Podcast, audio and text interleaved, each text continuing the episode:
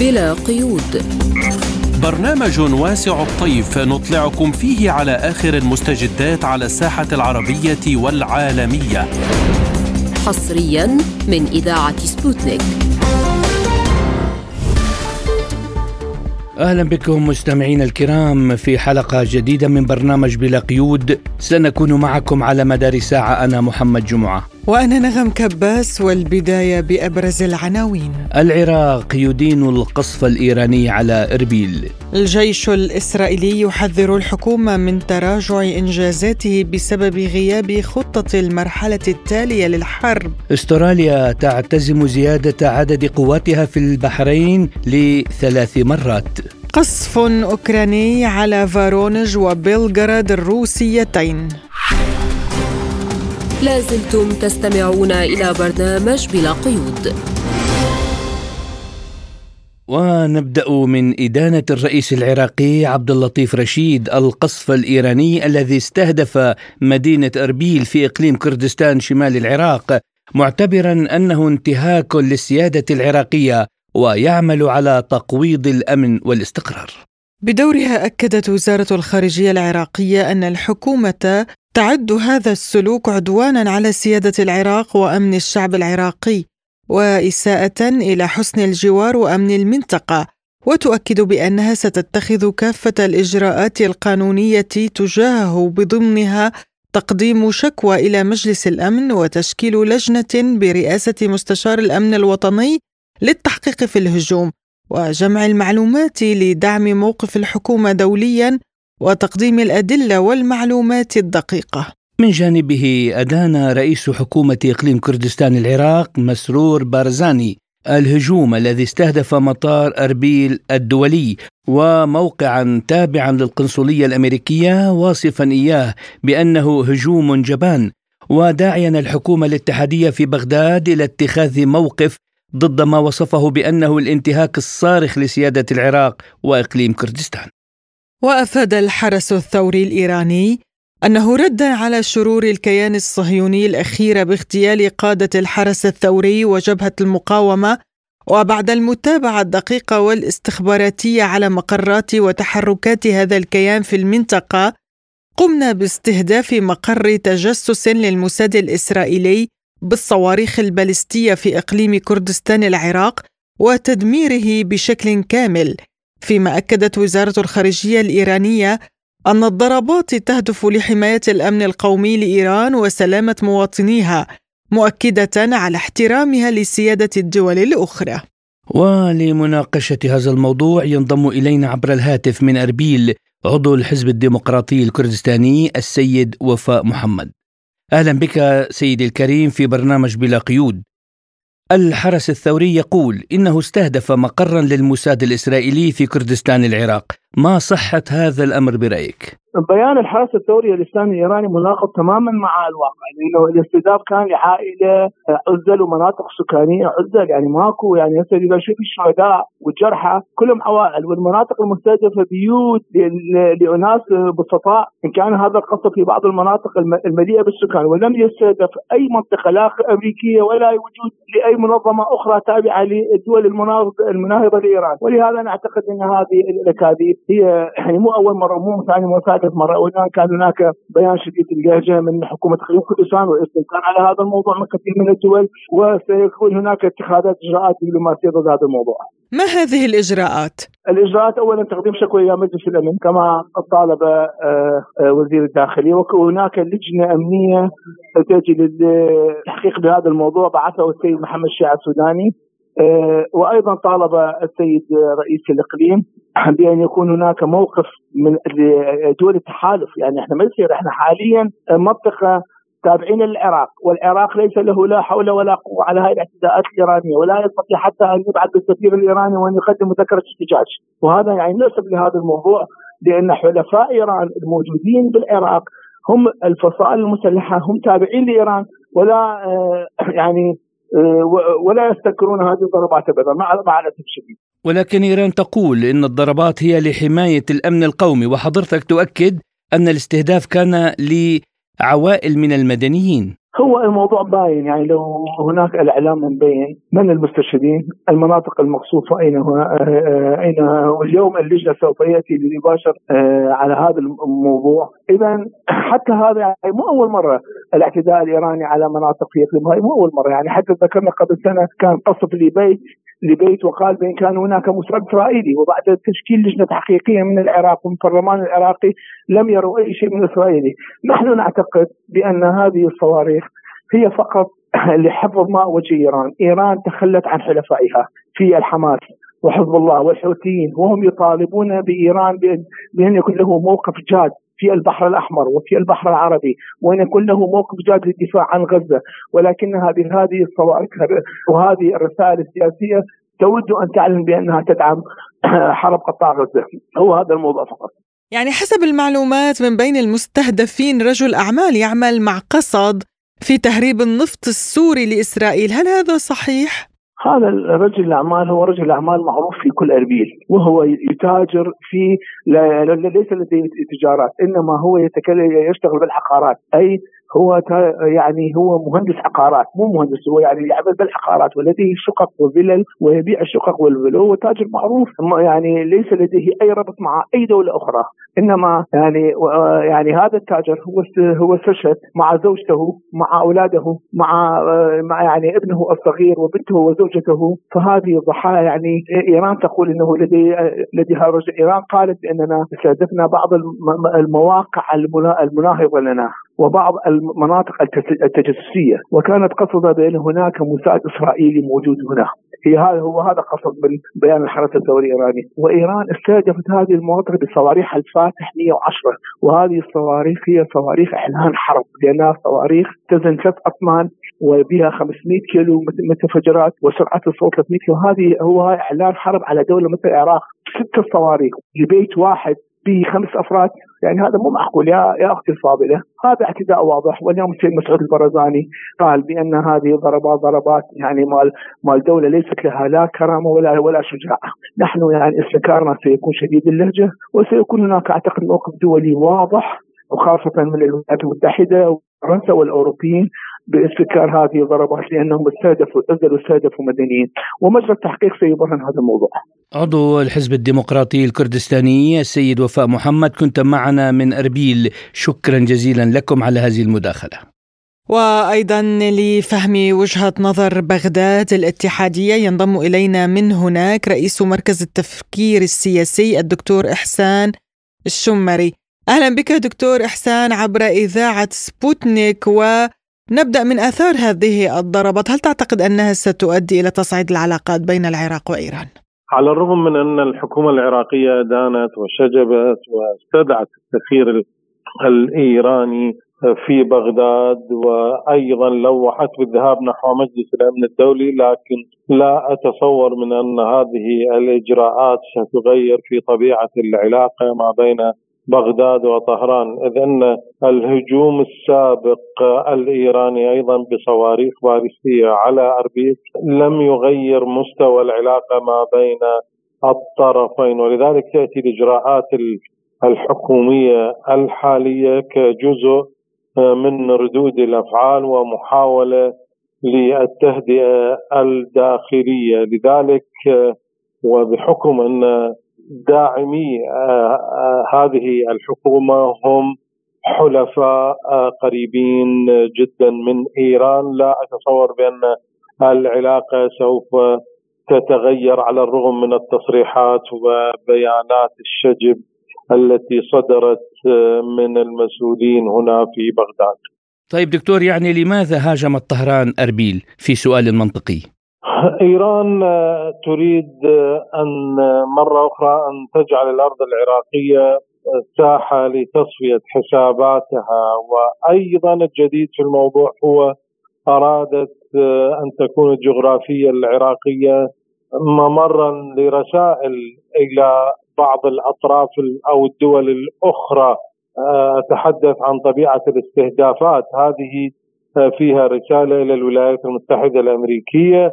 وأيضا إلى إسرائيل من أن إيران لديها القدرة على استهداف كل ما يهدد أمنها. وطبيعة الأسلحة والصواريخ التي استخدمت هي رسالة من وجهة نظري. أما قضية أن هناك مقرات إسرائيلية أو حركة للموساد فأنا أتصور بأنها غير مبررة خصوصا وأن بغداد الاتحادية هي معنية بكل الأحوال من عدم وجود أي نشاط يمكن آه، أن يكون مهددا لدول الجوار العراقي. لكن هي مبررات وبالتالي آه، هذا هذا الهجوم هو لغرض الاستهلاك المحلي هناك آه، في طهران خصوصا ما بعد هجمات كرمان. يعني في ظل الوضع غير المستقر بالفعل في الشرق الأوسط هل تتوقع دكتور زيادة التصعيد في المنطقة؟ وأنت تعلم أن المنطقة لا تحتمل. هو ممكن أن يفهم في جانب منه على أن هناك آه، انخراط غير مباشر آه، إيراني بالتحديد في ظل ما يجري آه، في المنطقة وفي ظل تداعيات حرب غزة خصوصا وان إيران مقتنعة بأن الهجمات التي طالت قيادات في الحرس الثوري الإيراني في سوريا وأيضا الهجمات التي طالت الداخل الإيراني وفق ما يعرف بتفجيرات كرمان هي جاءت بأدوات وبقرار إسرائيلي.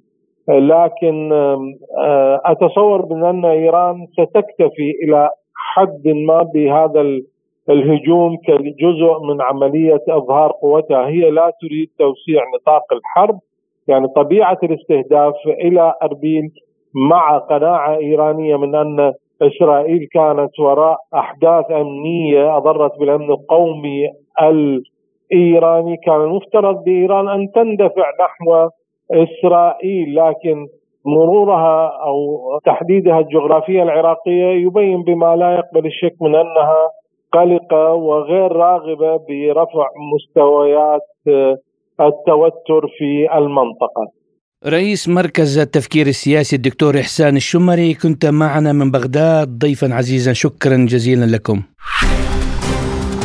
لازلتم تستمعون إلى برنامج بلا قيود. في ملفنا التالي تجاوزت الحرب في غزة يومها المئة على وقع استمرار الاشتباكات والمعارك وإطلاق الصواريخ وفي ظل تزايد المخاوف من توسع دائرة الحرب في الإقليم حذر رئيس الأركان الإسرائيلي الحكومة من تراجع إنجازات الجيش بسبب غياب خطة المرحلة التالية بعد الحرب. وكان وزير الدفاع الإسرائيلي قال إن الفلسطينيين سيتولون حكم قطاع غزة بعد انتهاء الحرب. مؤكدا أنه في نهاية الحرب لن يكون هناك تهديد عسكري من غزة ولن تكون حماس قادره على الحكم والعمل كقوة عسكرية في القطاع. وقال أيضا إن المرحلة المكثفة من الحرب ضد حركة حماس في جنوب غزة ستنتهي قريبا مؤكدا انتهاءها في شمال القطاع. من جهة أخرى حذر يائير لابيد زعيم المعارضة الإسرائيلية من أن إسرائيل مقبلة على أزمة اقتصادية تصل آثارها إلى كل مواطن معتبرا أن رئيس الحكومة نتنياهو لا يصلح لإدارة الدولة ولا لإدارة الحرب وأن حكومته أوقعت إسرائيل في محكمة العدل الدولية في لاهاي وأن التغيير في إسرائيل يجب أن يحدث الآن وليس هناك وقت للانتظار. وفي سياق متصل أعلن الجيش الإسرائيلي أن عشرين شخصا بينهم مسلحون اقتربوا من الحدود الإسرائيلية مع مصر قرب معبر نيتسانا وقام الجنود الإسرائيليون بفتح النار عليهم وهناك عدد من الإصابات.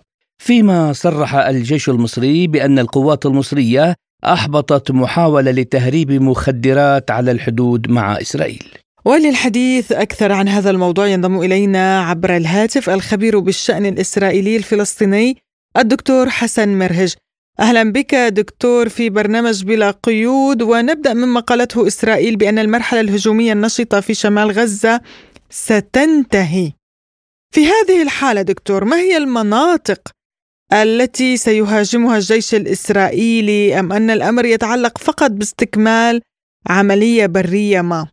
يعني أنا باعتقادي إنه الإسرائيلي يعني ما زال متواجد في قطاع غزة ولكن هو سحب القوات المدرعة من داخل المناطق اللي كان متواجد فيها بداخل القطاع وخاصة خان يونس والمنطقة الشمالية.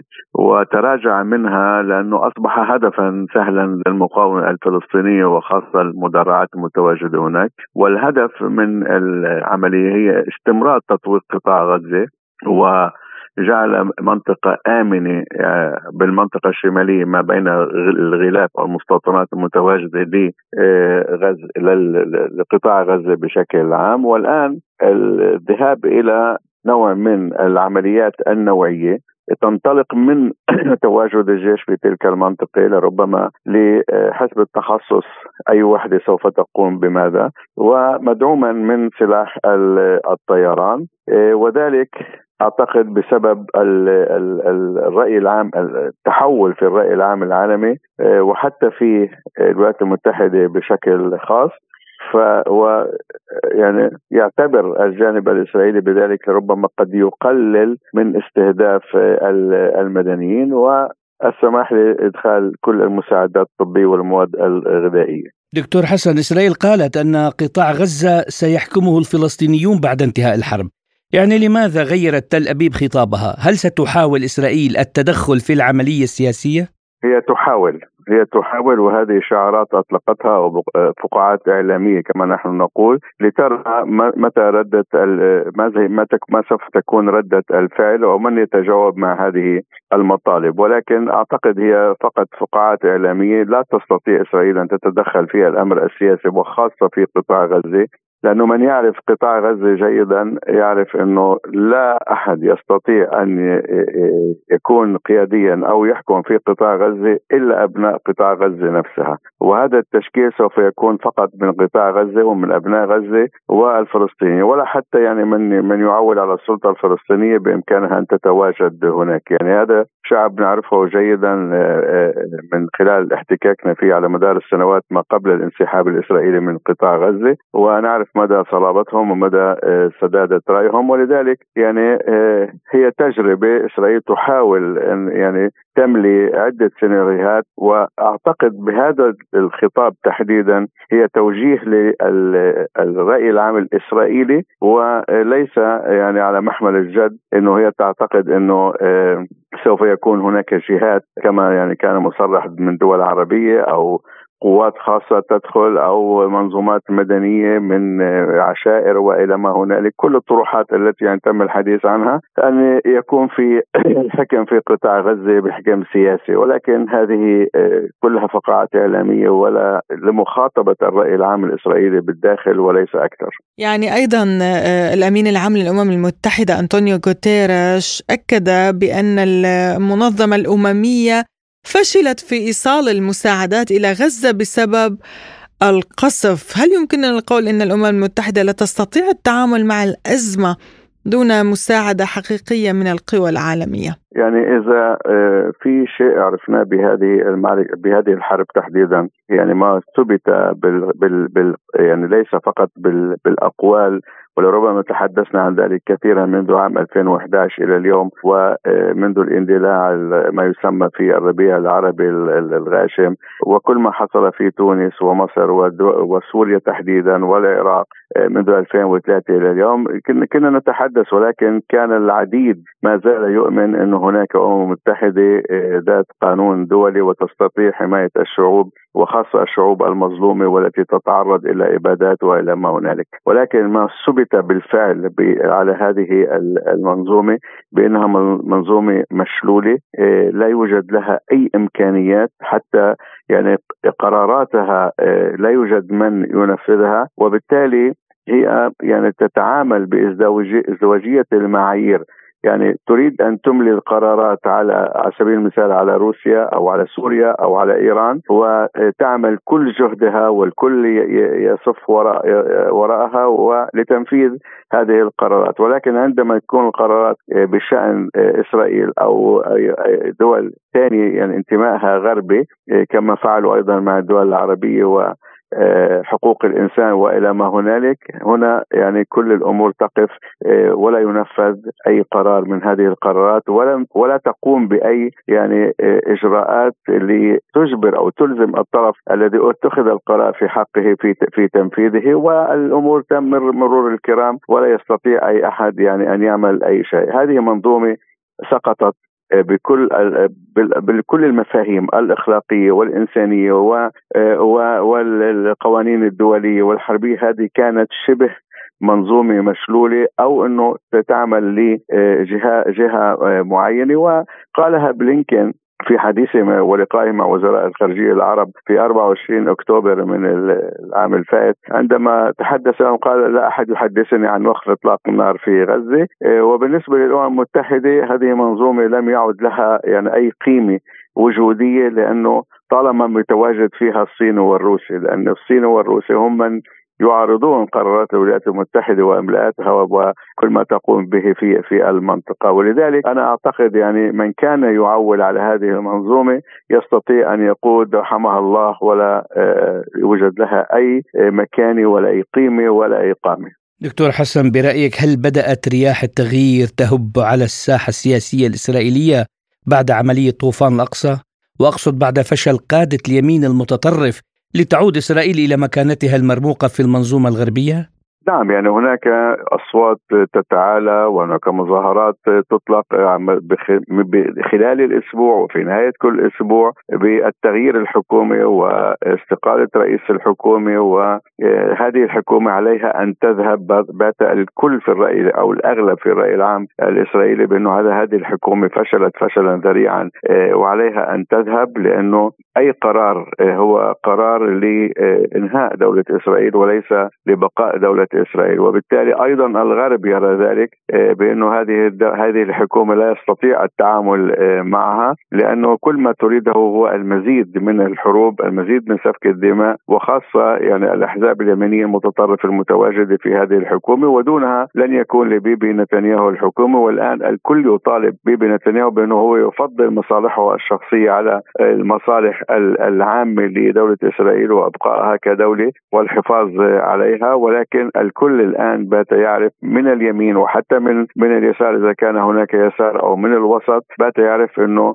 آه، كل هذه الخلافات التي تحصل أيضا داخل الكابينت المصغر والكابينت الكبير والكابينت السياسي العسكري وكل الخلافات التي تحصل هي آه، يعني مبشر سيء جدا لبقاء هذه الحكومة أو استمراريتها أو إنه آه، إمكانيتها الحفاظ على آه، هذا الشعب الذي يسكن في داخل هذه الدولة وبات مخاوف كبيرة من آه، استمرارها أو تصرفاتها. ونعم الأصوات تتعالى والمظاهرات تكثر آه، بأعدادها وبمناطقها. يعني بمناطق عديدة السبت الفات كان في مناطق عديدة من الشمال في حيفا حتى تل أبيب حتى القدس.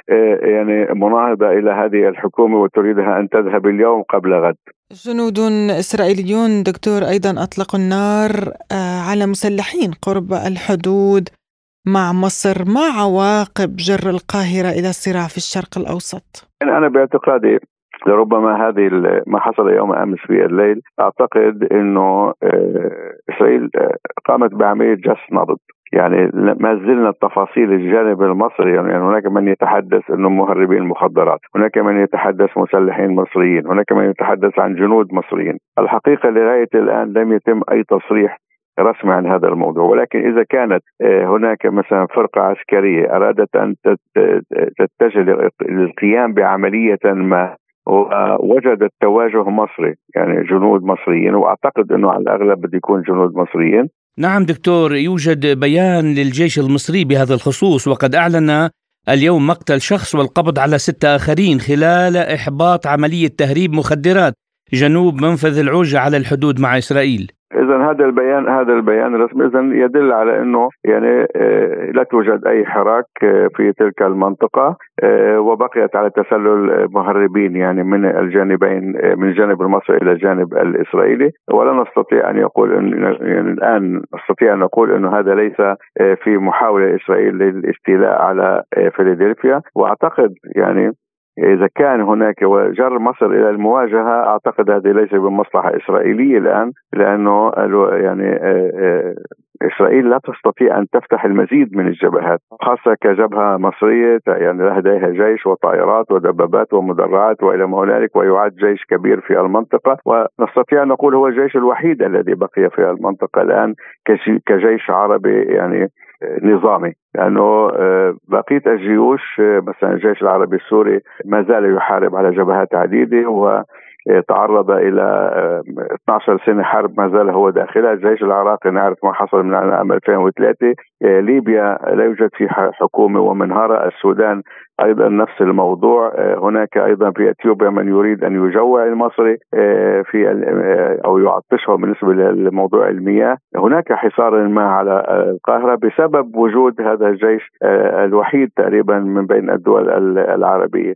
كجيش يستطيع المواجهة أو القيام في المواجهة. ولكن ان تجر إسرائيل مصر إلى المواجهة أعتقد إسرائيل آه، ليس من مصلحتها القيام بذلك ولا تريد ذلك ولكن هي تريد إنه آه، أنه في تخمينات. يعني اسرائيل اليوم تخمن خمنت على المستشفيات في قطاع غزة ولم تجد شيئا. الآن يقولون إنه الحل الوحيد لربما حتى المخطوفين تم إخراجهم من قطاع غزة من خلال الأنفاق الموجودة في تلك المنطقة مع العلم أنه مصر أغرقت كل الأنفاق اللي كانت متواجدة هناك ولكن حقيقة لا نعرف ولا توجد أي أدلة أو أو آه، ما ينفي أو ما يثبت ذلك ولكن أن اسرائيل تتواجد في تلك المنطقة عسكريا آه، أستبعد ذلك ولكن إذا قامت في آه، طرق دبلوماسية متفق عليها سوف نرى القادم القريب ماذا سيحصل في تلك المنطقة. الخبير بالشأن الإسرائيلي الفلسطيني الدكتور حسن مرهج شكرا لك على هذه المداخلة. لازلتم تستمعون إلى برنامج بلا قيود. وإلى اليمن حيث أستراليا ستضاعف حجم مجموعتها العسكرية في البحرين ثلاث مرات من خلال إرسال قوات إضافية إلى مقر القوة البحرية المشتركة التحالف الأمني في البحر الأحمر والخليج بقيادة واشنطن. وتضم القوى البحرية المشتركة 39 دولة تشارك في قضايا الأمن ومكافحة الإرهاب ومكافحة القرصنة في البحر الأحمر والخليج ويقع مقر التحالف في البحرين حيث يتمركز أيضا الأسطول الخامس للبحرية الأمريكية والقيادية المركزية حول هذا الموضوع تنضم إلينا الخبيرة بالشأن اليمني الدكتورة ابتسام المتوكل أهلا بك دكتورة ابتسام في برنامج بلا قيود وأبدأ معك من اعتزام استراليا مضاعفة حجم مهمتها العسكرية في البحرين ثلاث مرات من خلال إرسال قوات إضافية إلى مقر القوة البحرية المشتركة كيف ستكون العواقب برأيك إذا بدأ التحالف الدولي في التوسع بهذا الشكل النشط؟ ابتداء اليمن عندما اتخذ هذا الموقف كان يعي هذه العواقب وقد درس كل الاحتمالات القيادة. اليمنية درست كل الاحتمالات وتعرف أنها ستدفع ثمنا. لكن إذا نظرنا إلى أن بالأساس هناك تحالف قائم ضد اليمن منذ العام 2015 فلا جديد آه، يذكر. التداعيات والتبعات الكثيرة ستكون على الاقتصاد العالمي وعلى الملاحة الدولية. وعلى الجهات المتورطة في العدوان على اليمن غير الجهات السابقة. بالنسبة لليمن نحن آه، لدينا قضية ومستعدون لدفع الثمن وللتضحية بالشهداء على طريق فلسطين وطريق القدس الشريف وأيضا للدفاع عن أمتنا. فلا جديد آه، لدينا لا شيء لنخسره. آه، اليمن محاصر مسبقا اليمن بدون حماية كل المنشآت الحيوية الاقتصادية البنية التحتية. هذا كله حدث خلال ثمان سنوات ونحن ندخل العام التاسع عن قريب. فلا يوجد جديد آه، لدى اليمن أو تبعات أكثر لندفعها. فقط الإيمان بالمبدأ وضرورة الثبات على المسار القضية هذا هو ما يميز اليمن اليوم إضافة إلى القدرة الصاروخية التي طورتها القوات البحرية والجوية وأيضا استعداد الجيش اليمني بل الشعب اليمني باسره بأن يدخل في معركة طويلة الأمد من أجل فلسطين، هذه قضيه ليست قضية آه، أفراد أو قيادة فقط، هي قضية شعب كامل مؤمن آه، كامل الإيمان بحق الشعب الفلسطيني وبضرورة نصرته وضرورة آه، الانتصار له. وزير الخارجية الإيراني أيضا أجرى محادثة هاتفية مع غوتيريش آه، وصف خلالها الهجوم الأمريكي لبريطانيا على اليمن بأنه خطأ استراتيجي. آه، برأيك دكتورة متى ستتدخل إيران في هذا الصراع؟ إيران هذه التهمة التي تحسب علينا منذ أول العدوان. إيران هي جزء من محور المقاومة ويحق لها أن تتدخل. كونها دولة إسلامية ترى ان أنها تنصر قضية أمتها. لكن ليست هي صاحبة القرار في اليمن. وليست هي التي ستغير أو تقدم أو تؤخر من مسار القضية، دخولها إذا دخلت هو دخول جزء من محور المقاومة كما هو الحال مع العراق ولبنان وسوريا وفلسطين واليمن.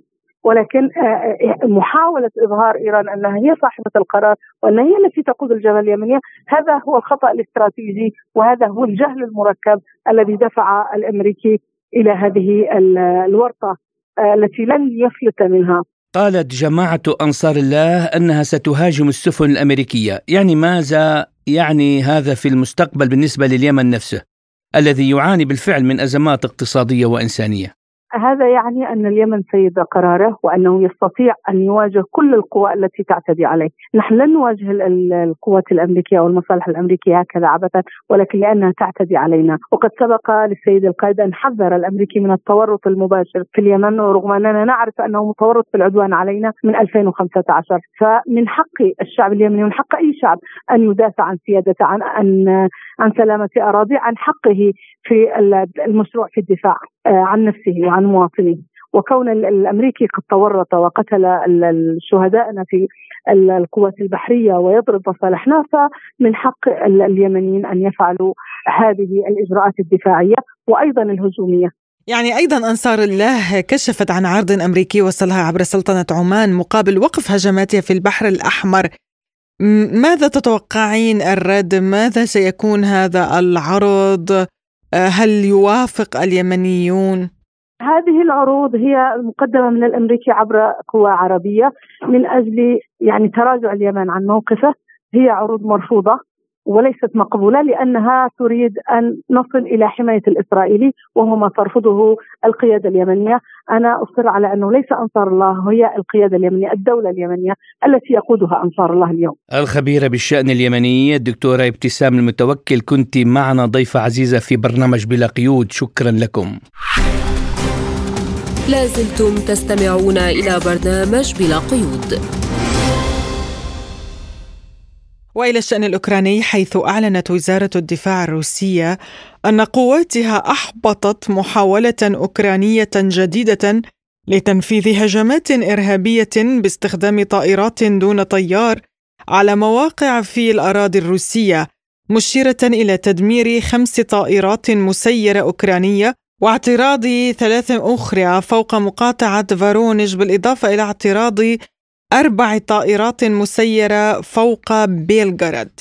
وبدوره أعلن حاكم مقاطعة فارونيج الروسية ألكسندر غوسيف أنه تم التصدي للهجوم دون وقوع إصابات فيما تقوم الجهات المختصة بالتحقيق أو بالتحقق من المعلومات المتعلقة بنتائج تلك الحادثة على الأرض مشيرا في الوقت نفسه إلى إخماد حريق اندلع في شرفة أحد المباني السكنية بسبب سقوط شظايا وتكسر زجاج نوافذ مبنيين سكنيين أخريين وعدد من المنازل الخاصة. حول هذه الهجمات قال المحلل السياسي ديمتري يفستافيف Мы должны наконец понимать, что мы живем. يجب أن نعلم جيدا أننا لا نعيش فقط في بلد في حالة حرب ولكننا نعيش في بلد في حالة حرب مع نظام إرهابي علني لأنه كلما تقدم الأمر قلت الفرص المتاحة لنظام كييف لمقاومة روسيا في ساحة المعركة وهذا يعني أن هذا النظام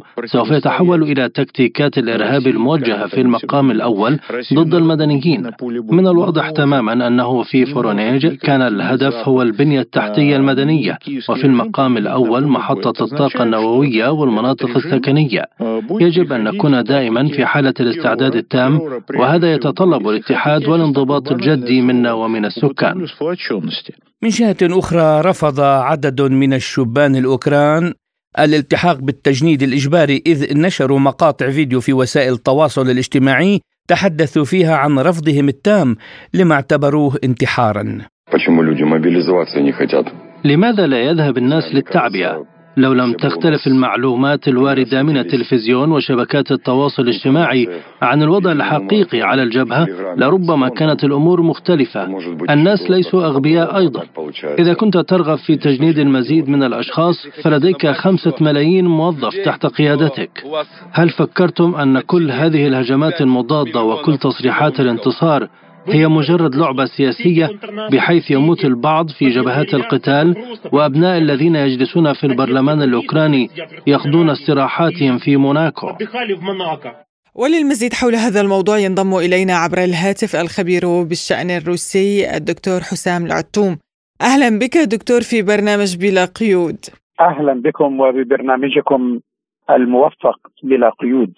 شكرا لك يعني آه، نبدأ مما تداولته وسائل الإعلام بأن الاتحاد الأوروبي فقد الثقة بأوكرانيا وأنه بدأ بمراجعة الأسلحة التي تتجه نحو كييف، هل يمكن أن نقول بأن هناك اليوم توتر بين الاتحاد الأوروبي وكييف وأن هناك تراجع ربما عن إمدادات الأسلحة؟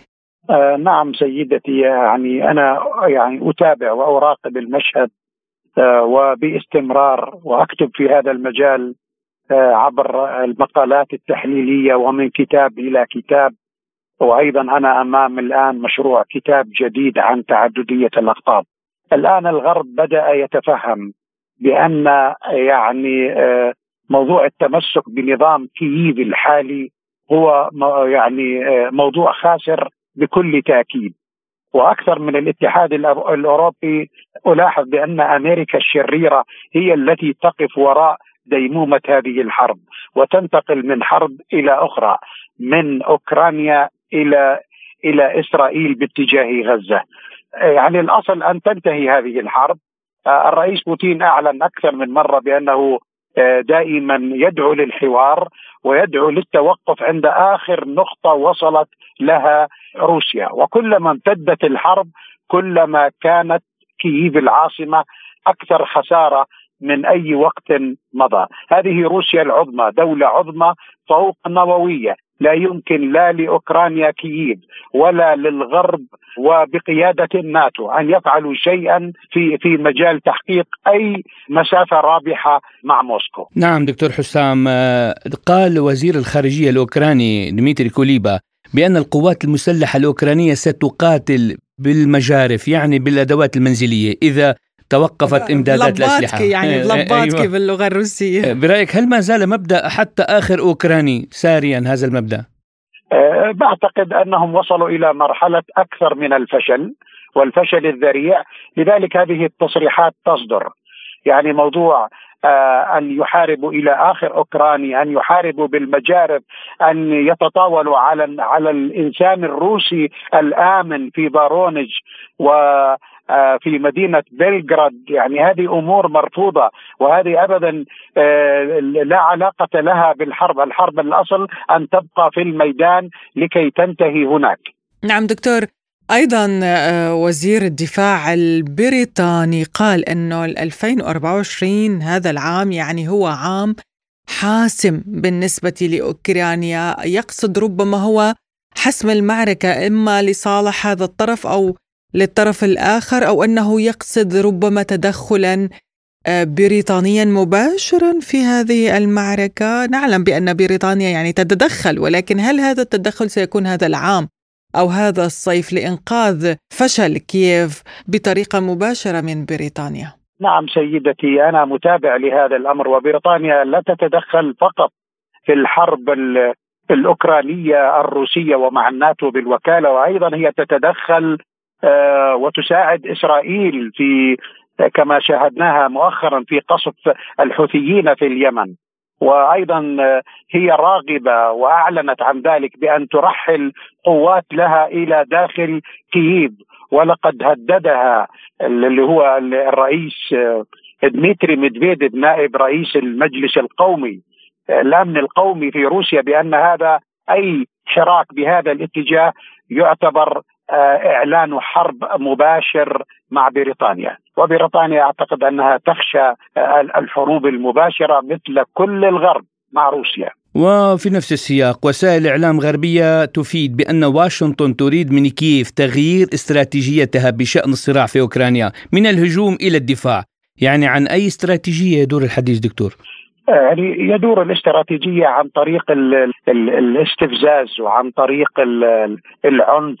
وعن طريق مهاجمة الناس بسطاء الناس هم يعتقدون بأن إزعاج روسيا يحقق نصرا له مثل التطاول على بلغراد على فارونج على المواطنين المسالمين. عن أي دفاع يمكن أن ان أن يتحدثوا وهم خسروا كل شيء لغاية الآن. خسروه عن طريق القانون وفي في ميدان في ميدان المعركة. كل ما يجري هو بكل تأكيد ليس لصالح العاصمة كييف ولا لصالح عواصم الغرب ولا لصالح أمريكا الشريرة. نعم يعني هم يستهدفون المدنيين كورقة أخيرة دكتور؟ نعم. نعم هذه هي الورقة الأخيرة المتوفرة لديهم إزعاج روسيا عن طريق استهداف المواطنين في بلغراد في فارونج وحتى في العاصمة موسكو. وحتى عبر اغتيال اغتيال صحفيين اغتيال نواب أوكران في موسكو. نعم يعني حتى نحن آه، أصبحنا نرى أحيانا بالعين المجردة الطائرات المسيرة في موسكو. نعم. يعني إلى الآن نلاحظ دكتور آه، العالم كله يتحدث الآن ليس عن انتصار أو عن هزيمة إنما يتحدث عن ما الحل ما هو المخرج الآن من هذا المأزق. الوضع يبدو لا نهاية له. هم يريدون استنفاذ روسيا إلى النهاية. لا يريدون انتصار لأوكرانيا بل استنفاذ حتى النهاية لروسيا. يعني إذا ما الحل إذا في هذه اللحظات الحرجة؟ في هذه اللحظة الحرجة لابد من العودة إلى طاولة الحوار وهي الأصعب والمستحيل الآن لأن شروط كييف صعبة. هي تريد إعادة روسيا إلى نقطة الصفر من حيث ما قبل العملية الروسية الخاصة والغرب يساند هذا التوجه. نعم هذا في سياق الاستنفاذ لروسيا يعني. لذلك يصعبون من شروطهم. نعم وهو المستحيل بالنسبة لروسيا التي حققت نجاحات كبيرة واكتشفت بأن العاصمة كييف تريد بيع نفسها للغرب وخاصة لأمريكا.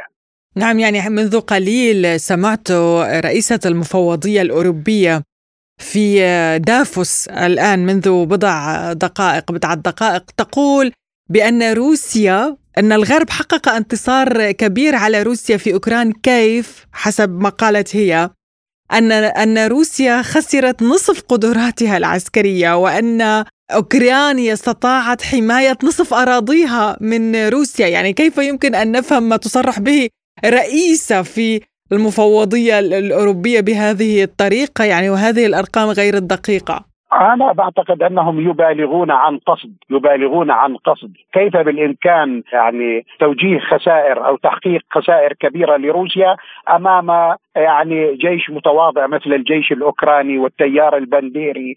والغرب خسر الكثير أكثر من 200 مليار دولار. خلينا نسميها من من مخازن المال الأوروبية والآن في صراع كبير في داخل أوروبا إلى أين هم ذاهبون؟ ما الذي يدفعونه باتجاه حرب حرب خاسرة وواضحة للعيان وللرأي العام العالمي. نعم الباحث بالشأن الروسي الدكتور حسام العتوم كنت معنا ضيفا عزيزا في برنامج بلا قيود شكرا لكم. شكرا شكرا لكم في موسكو شكرا. لازلتم تستمعون إلى برنامج بلا قيود. ملفنا الأخير عن اتهامات وزارة الدفاع الروسية الولايات المتحدة بممارسة التجسس البيولوجي من خلال تحليل الوضع الوبائي على طول حدود خصومها الجيوسياسيين وفي المناطق المحتملة لنشر مجموعات عسكرية. وقال قائد قوات الدفاع الإشعاعي والكيميائي والبيولوجي في الجيش الروسي الفريق إيغور كيريلوف تهدف أنشطة هذه المنظومة من المختبرات البيولوجية الأمريكية إلى دراسة العوامل المسببة للعدوى الخطيرة بشكل خاص في مناطق العالم ذات الأهمية الاستراتيجية للولايات المتحدة مثل المناطق المتاخمة للصين وتركيا وباكستان والمملكة العربية السعودية. ومراقبة الوضع البيولوجي وتحقيق التفوق في مجال الإنتاج الحيوي. عن هذا الموضوع تحدث قائد قوات الدفاع الإشعاعي والكيميائي والبيولوجي في الجيش الروسي الفريق إيغور كيريلوف من الأسباب التي تتوخاها أنشطة نظام المختبر البيولوجي هي لدراسة مسببات الأمراض المعدية الخطيرة لا سيما في المناطق ذات الأهمية الاستراتيجية للولايات المتحدة ولمراقبة الوضع البيولوجي وتحقيق التميز في مجال الإنتاج الحيوي. التجسس البيولوجي يعتبر من المهام ذات الأولوية ويتم خلاله تحليل الوضع الوبائي على طول حدود المعارضين الجيوسياسيين وفي المناطق المقترحة لنشر الوحدات العسكرية. لقد تم التأكد من تكليف الإدارة العسكرية الأمريكية بمهمة مراقبة الوضع البيولوجي في الشرق الأوسط وآسيا الوسطى وهي المناطق المتاخمة للصين وتركيا وباكستان والمملكة العربية السعودية.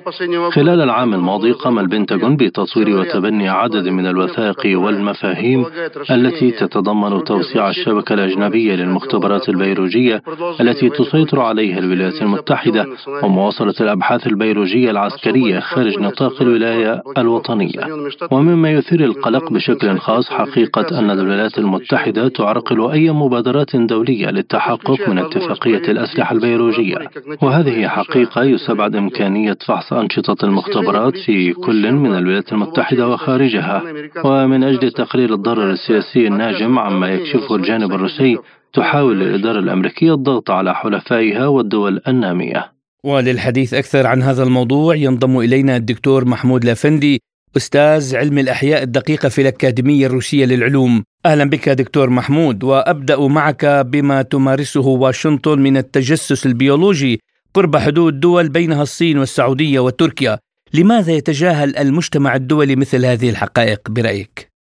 طبعا الولايات المتحدة الأمريكية تقريبا منذ انهيار الاتحاد السوفيتي تمارس برامج بيولوجية وتفتح مخابر بيولوجية في كل أنحاء العالم آه، لها أهداف معينة، الأهداف سأقولها بعد قليل، ولكن لماذا المجتمع الدولي يسقط؟ المجتمع الدولي لا يستطيع أن يعني يفعل أي شيء تقريبا لأنه كل المؤسسات إن كانت منظومات التي تمنع التجسس البيولوجي، آه، نشر الأسلحة البيولوجية، التجارب البيولوجية كلها تحت سيطرة الولايات المتحدة الأمريكية، منظمة حتى حظر الأسلحة البيولوجية أيضا تحت سيطرة الولايات المتحدة الأمريكية، تقريبا يعني بعد انهيار الاتحاد السوفيتي الولايات المتحده الأمريكية استطاعت أن تسيس كل المنظمات الدولية يعني حتى منظمة الغذاء العالمية، منظمة الأدوية العالمية، منظمة الصحة، كل هذه المنظمات اصبح مسيسة أصبحت مسيسة من قبل الولايات المتحدة الأمريكية، لذلك لا يستطيع أحد أن يقدم شكوى معينة، أما بالنسبة للدول التي يعني آه،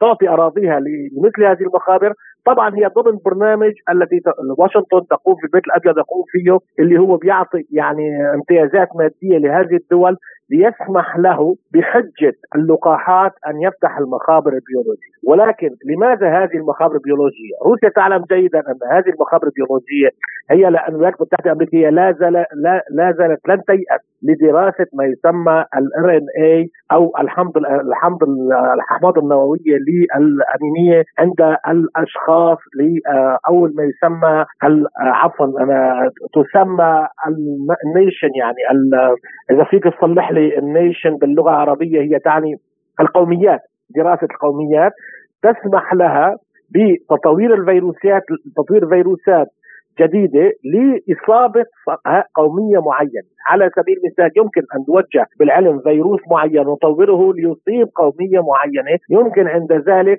آه، زرع الأوبئة في هذه المناطق يعني لتصيب أمراض فقط قومية معينة، على سبيل المثال المخابر البيولوجية التي كانت في أوكرانيا كانت تدرس على أساس ما يسمى العرق السلافي الموجودة في باكستان على العرق الفارسي الموجودة في السعودية أو قرب السعودية على العرق العربي أو عرق البدوي العربي. يعني هي تدرس الأحماض الأمينية حتى يصيبها فيروس معين ويؤدي إلى ما يسمى وباء كبير لهذا البلد يضعف هذا البلد اقتصاديا نعلم جيد اقتصاديا ويضعفه بشريا. يعني في آه، حتى الآن الولايات المتحدة الأمريكية لها هذه المهمة وتستطيع أن آه، تزرع هذه المخابر في بلاد فقيرة وبالإضافة أن تأخذ الان من جيوش هذه البلدان من مواطنين هذه البلدان من حتى المريضين النفسيين من هذه البلدان كفئران تجارب يعني تستخدمهم وتلقحهم بلقاحات معينة أو فيروسات معينة حتى ترى استمرارية هذه الولايات عدة مرة عدة مرات آه، الجنرال الرئيس القسم البيولوجي في وزارة الدفاع الروسية اعطى يعني أعطى إشارات استفهام ماذا تفعل الولايات المتحدة الأمريكية في هذه الدول. ولكن لا صوت ولا رد لأنه فعليا في القانون الدولي إذا تريد أن تقدم شكوى يجب أن تقدم شكوى إلى هناك منظمة حظر الأسلحة البيولوجية. هذه ولكن هذه المنظمة لن تستطيع أن تفعل شيئا لأنها تحت سياسة وتحت أمر الولايات المتحدة الأمريكية. فليس هناك اي رد يعني نعلم على سبيل المثال أعطيك مثال صغير. لما كان هناك على أساس تسليم سكريبال في بريطانيا اتهموا روسيا ونافالني أيضا المعارض الروسي حتى الآن منظمات منظمة حظر الأسلحة البيولوجية لم تعطي روسيا ولا دليل واحد ولا ما هو يعني طلبت روسيا عدة مرات ما هو الجرثومة أو السلاح البيولوجي التي قامت على أساس أن روسيا سممت سكريبال في بريطانيا ونافالني في روسيا. ولكن ليس هناك رد. لماذا ليس هناك رد؟ لأنه هذه المنظمات مسيسة. هي تقوم تحت سيطرة الولايات المتحدة الامريكيه حتى نكون واقعيين. كل المنظمات كل المنظمات الموجودة تحت مظلة الأمم المتحدة للأسف الشديد للأسف الشديد أصبحت مسيسة تحت هيمنه الولايات المتحدة الأمريكية، الأشخاص الموجودين هناك لا يسمحون للولايات المتحدة الأمريكية بكل هذه التجارب بالتجسس البيولوجي بالتغطية بإنشاء مظلة تغطية كل المقابر الموجودة. يعني 64 مقبر كان موجود في أوكرانيا. ما العمل برأيك دكتور إذا كان تقديم المساعدة بمراقبة الأمراض السارية للدول النامية مرهون بهذه النشاطات البيولوجية العسكرية. يعني أنت تعلم أوكرانيا مثال حي عن هذا الموضوع. هذا شيء طبيعي جدا. يعني دائما روسيا يعني لما كانت في حرب البارده كان هناك سباق للتسلح بالبيولوجي بين الاتحاد السوفيتي علماء الاتحاد السوفيتي والعلماء الولايات المتحدة ولكن بعد انهيار الاتحاد السوفيتي روسيا تخلت عن كل هذه البرامج البيولوجية وحتى أغلقت عفوا كل كل المقابر البيولوجية ولكن الولايات المتحدة الأمريكية ما زالت تستمر في هذه البرامج. هي تريد حتى الآن ليس هناك أي نجاح ولكن على سبيل المثال اعطيك هي تدرس كل الدي إن اي أو الأحماض الأمينية لكل القوميات البشرية الموجودة إن كان في الدول النامية أو في أو الدول المتوسطة يلي هي تعتبر أعداء للولايات المتحدة الأمريكية. على سبيل المثال يمكن أن يدرسوا مثلا العرق السلافي العرق العربي العرق الفارسي اللي هي إيران يدرس يدرس دراسة معينة ويمكن أن يطور فيروس معين يصيب يصيب هذه القومية ويؤدي إلى وباء في هذه المنطقة، هذا هذا هذا هذه البرامج هي موجودة في كل وروسيا نشرتها ونشرت الأشخاص المتورطين حتى حتى في منظمة الصحة العالمية وفي منظمة حظر الأسلحة البيولوجية وفي معامل الأدوية وإنتاج اللقاحات. إن كان فايزر أو موديرنا أو هذا ونشر كل نشرت روسيا كل هذه البرامج. ولكن لا رد. لماذا لا رد؟ الدول فعليا مهيمنة عليها الولايات المتحدة الأمريكية. المنظمات لا تعمل للأسف الشديد. كل المنصات السياسية أو المنصات المدنية لا تعمل. لذلك الولايات المتحدة الأمريكية تستطيع أن تفعل أي شيء. ولذلك روسيا تحاول تحاول أنا أقول تحاول فقط لتوضيح هذه الصورة ولما يسمى إعطاء تنبيه للدول التي فيها المقابر ولكن لا زالت هذه المخابر تعمل. يعني فوق 350 مختبر موجود بيولوجي في الولايات المتحدة الأمريكية في كل أنحاء العالم. لماذا كل هذه المختبرات؟ يعني نقول لإنتاج أو للحفاظ على الصحة لما راينا عندما ظهر فيروس الكورونا يعني روسيا كانت أول من أنتجت لقاح الولايات المتحدة الأمريكية كانت بعدها. لو كانت كل هذه المخابر لإنتاج اللقاحات لاستطاعت بعد شهر أو شهرين من هذا الوباء أن تنتج لقاح ماذا يعني هذا الكلام؟ هذه عبارة عن منظمات أو مخابر لإنتاج الأسلحة البيولوجي دكتور محمود بما أن واشنطن تمارس هذا التجسس البيولوجي قرب حدود الصين والسعودية وتركيا برأيك هل ستحارب هذه الدول التجسس البيولوجي الأمريكي؟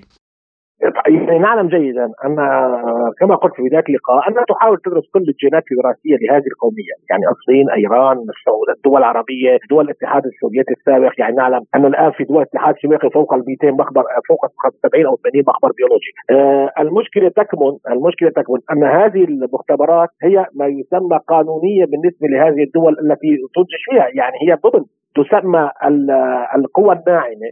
عندما تدخل الولايات المتحدة الأمريكية وتعطي يعني كيف الآلية؟ عندما آه، تعطي مساعدات لهذه البلد وتدخلها في المنظمات الدولية وتدعمها اقتصاديا تفرض عليها أن يكون لديها مختبرات بيولوجية. المشكلة تكمن أن هذه الدول فقيرة نوعا ما لا تستطيع أن تخرج هذه المخابر لأنها هي مهيمن عليها الولايات المتحدة الأمريكية. الدول مثل الصين والمهددة لا تستطيع أن تفعل شيئا. في هذا الشيء يعني يمكن أن آه، تندد فقط. ولكن على سبيل المثال آه، إذا الصين إذا كان موجود هناك مختبر في تايوان على على سبيل يدرس الجين الدي إن اي الصيني أو العرق الصيني كيف ستستطيع الصين أن تحارب أو تغلق هذه المخابر فقط في آلية عسكرية. يعني يمكن أن تقوم على الصين بعملية عسكرية لمحاوله إغلاق المخابرات البيولوجية، للأسف الشديد هذه يعتبر عدوان على ما يسمى على دول أخرى، يعني خلينا نكون واقعيين، المشكلة تكمن أن المخابر موجودة بسماح هذه الدول التي لديها المخابر البيولوجية، الدول المجاورة المهددة بهذه المخابر أو التجسس البيولوجي لا تستطيع أن تفعل شيئا لأنه عليها أن تغلق هذه أن تقوم بعملية عسكرية، هذه مشكلة كبيرة، أنا في رأيي هذه مشكلة ال 21 القادمه، الولايات المتحدة الأمريكية لن تهدأ إلا بإنتاج الأسلحة البيولوجية لأنه فعليا وخصوصا في الوقت الحالي التي بدها هيمنات تنهار شيئا فشيئا فإنتاج سلاح سلاح بيولوجي يمكن أن يهدد الدول أو يهدد عرق معين. ولكن لا تستطيع الصين يعني على سبيل المثال المخابر البيولوجية الموجودة في أوكرانيا يعني آه، من حوالي 25 سنه آه، فتحت. استطاعت روسيا أن تغلق فقط المخابر الموجودة في المناطق التي سيطرت عليها عسكريا. إغلاق للأسف الشديد إغلاق هذه المخابر من الدول يكون عن طريق عملية عسكرية. يعني الحروب. للأسف الشديد نحن أمام هذه الصورة أمام هذا الواقع من الصعب أن نوقف وجه الولايات المتحده الأمريكية إلا عن طريق تغيير المنصات الدولية والوصول إلى منصات دولية جديدة تستطيع أن تواجه الولايات المتحدة الأمريكية أو إنتاج منظمات صحية جديدة أو آه، تستطيع أيضا أن تقول كلمتها وتوقف الولايات المتحدة الأمريكية وتوجهها إلى القانون الدولي، ولكن حتى الآن الصورة يائسة بالنسبة لكل الدول التي مهددة بالتجسس البيولوجي أو دراسة البيولوجي من من طرف الولايات المتحدة الأمريكية، هذا هو الواقع المؤلم للأسف الشديد، يعني حتى روسيا آه، الآن تحارب أوكرانيا وأغلقت بعض المخابر ولكن هناك مخابر في أوديسا، هناك مخابر في خاركوف، هناك مخابر أيضا في وسط أوكرانيا، في غرب أوكرانيا، هناك حوالي حتى الآن 22 مختبر في أوكرانيا. في المناطق تحت سيطرة الحكومة الأوكرانية، نفس الشيء المناطق الموجودة جانب الصين، المناطق جانب إيران، في آسيا الوسطى في تركيا أيضا هناك مخاطر. يعني المشكلة تكمن يجب الولايات المتحدة ان تتوقف، كيف تتوقف؟ عن طريق القانون الدولي، ولكن القانون الدولي نعلم أنه مسيس من طرف واحد، يعني إذا وصلنا إلى النهاية عند انهيار هيمنة الولايات المتحدة الأمريكية تدريجيا يمكن أن نوقف الولايات المتحدة الأمريكية، ولكن للأسف الشديد حتى الآن ليس هناك أي دواء لهذه المخاطر. الدكتور محمود الأفندي أستاذ علم الأحياء الدقيقة في الأكاديمية الروسية للعلوم والباحث في الشأن الروسي. كنت معنا ضيفا عزيزا من موسكو. شكرا جزيلا لك. نعم يا زميلتي العزيزة نغم. يعني فعلا من المؤسف من المحزن. بكل ألم نسمع مثل هذه الأخبار لهذه الشعوب الفقيرة المظلومة التي تعاني ويلات الحروب. والآن نسمع حروب بيولوجية مختبرات تبث السموم والفيروسات. لتقتل الشعوب. يعني آه، وال... وأمام مرأة من آه، أعين المجتمع الدولي يعني لا أحد يحرك ساكنا عندما يتوقف يتوقف الأمر على الولايات المتحدة الأمريكية أو إسرائيل أو يتعلق الأمر بهما. يعني كل القوانين الدولية وكل ما نسمعه من آه، يعني محاربة الأنشطة البيولوجية وإلى ما هنالك ترمى من النافذة ترمى في القمامة إن كان الأمر يتعلق بالولايات المتحدة الأمريكية. والأنكى من كل هذا أن مساعدة الشعوب الفقيرة ودعم البلدان النامية مرهون ببناء هذه المختبرات البيولوجية العسكرية المميتة. نعم يعني لو أنه هذه الأموال ومليارات الدولارات التي تنفقها الولايات المتحدة الأمريكية إن كان في أوكرانيا إن كان في حدود الصين اليوم المملكة العربية السعودية إفريقيا أيضا. يعني لو إنه هذه الأموال تخصص لنهضة الشعوب لمحاربة الفقر والبطالة كنا رأينا مجتمعا مختلفا تماما. إلى هنا مستمعينا الكرام تنتهي حلقة اليوم من برنامج بلا قيود. كنت معكم أنا محمد جمعة. وأنا نغم كباس للمزيد من المتابعة. زوروا موقعنا الإلكتروني سبوتنيك dot ae. واشتركوا بموقعنا على قناة تليجرام سبوتنيك Arabic. وأيضا استمعوا إلى إذاعة سبوتنيك. إلى اللقاء.